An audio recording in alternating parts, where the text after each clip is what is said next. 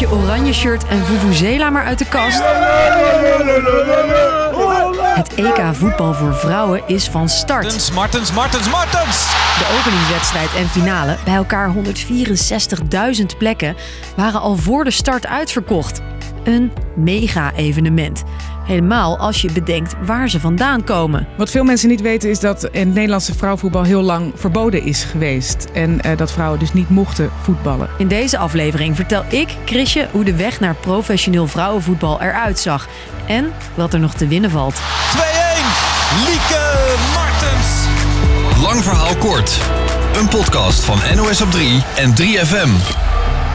Het is niet dat ze het niet eerder willen, maar pas in de jaren 20 en 30 verenigen vrouwen zich in het voetbal en gaan ze het veld op.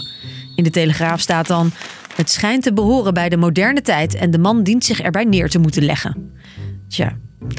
Na de Tweede Wereldoorlog wordt het serieus. Meerdere clubs schieten uit de grond. Waarom zou dat nou niet kunnen? Er zijn heren uh, die doen aan hockey, ze doen aan waterpolo, aan uh, korfbal. En waarom kan nou voetbal? Dames aan mee, dus... Doen dames ook al mee, dus waarom kunnen wij nou niet gaan voetballen? In 1956 komt er een officiële damesvoetbalbond. Hup, Holland, hup. En de eerste Interland. Laat niet in zijn hemdje staan. Waarlijk, de leeuw bleef niet in zijn hempie staan tijdens de voetbalwedstrijd die de Nederlandse dames in Essen speelden tegen Duitsland. Voetbalbond KNVB is ondertussen not amused. Het idee heerst, vrouwen zijn nou eenmaal niet gemaakt om te voetballen. De voetbalsport is daarom ook nog zo bijzonder ongeschikt voor de vrouw, omdat er uh, knie- en enkelgewricht van nature veel zwakker is dan dat van de man.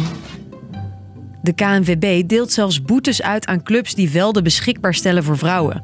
Het wordt dus steeds moeilijker om een competitie op te zetten. Maar ruim tien jaar later gebeurt er wat in Zeeland. Het is eind jaren 60 en de eerste Zeeuwse damesvoetbalvereniging wordt opgericht. Tegen de lat. Met competitie. En een. Maar pas als de Europese Bond, de UEFA, de nationale bonden in 1971 dwingt vrouwen mee te laten doen, staat de KNVB het toe. Gelijk melden duizenden vrouwen zich aan. Maar ja, het is wel 70, 80 jaar later dan bij de mannen. Een achterstand die nu nog wordt ingehaald. Een sprong in de tijd dan naar het volgende key moment, 2007. De eredivisie voor vrouwen wordt dan opgericht. En een aantal profclubs stapt daarin, waardoor het vrouwenvoetbal een boost krijgt. Oud-international Vera Pauw haalt als eerste Nederlandse vrouw haar trainersdiploma. En met haar als coach gaan de Oranje Vrouwen in 2009... De halve finale van het EK. Het is een wonderbaarlijk succes van de Oranje Vrouwen van Vera Pauw. Dit moet toch zorgen voor de doorbraak van het vrouwenvoetbal in Nederland. Ze krijgen daardoor een nieuwe status van sportkoepel NOC-NSF, waardoor ze fulltime kunnen gaan voetballen. Maar de echte doorbraak volgens NOS-commentator Suze van Kleef is 2017 winnen van de EK-titel in eigen land. Toen is er een ontzettend momentum ontstaan en is, uh, ja, zijn die vrouwen ontzettend populair geworden en is er ook ja, veel geld ingestoken vervolgens. En sindsdien gaat het los. Vrouwenvoetbal is de snelst groeiende sport van Nederland. Het aantal vrouwelijke leden van de KNVB verdubbelt de afgelopen decennia tot ruim 160.000. De Oranje Vrouwen staan er heel goed voor. Hè. Je ziet dat uh, die heel populair zijn. Dat er op vendagen bij de KNVB uh, net zulke lange rijen staan voor een handtekening van Jackie Groene als van uh, Matthijs de Ligt. Vrouwenvoetbal is dus booming.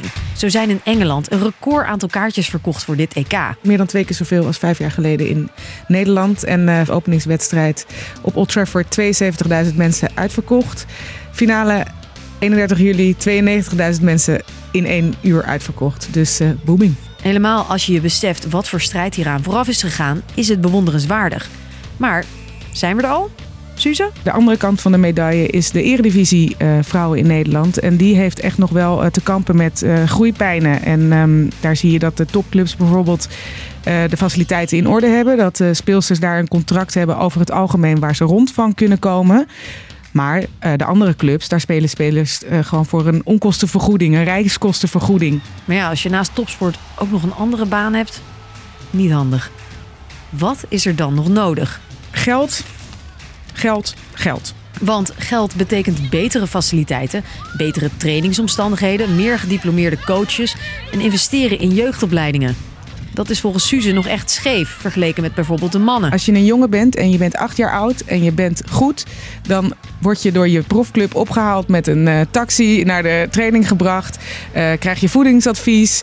Uh, word je door de beste trainers getraind. Als je een meisje bent en acht bent en goed bent, dan is dat niet zo. Er valt dus nog wat te winnen. Maar de weg er naartoe is meer dan ingezet. Dus, lang verhaal kort. Het EK-voetbal voor vrouwen is van start in Engeland. En vrouwenvoetbal is populairder dan ooit. Maar de weg hier naartoe was niet gemakkelijk. En gaat ook nog wel even verder. Morgen rond vijf, dan zijn wij er weer. Volgende kruising in je podcast-app.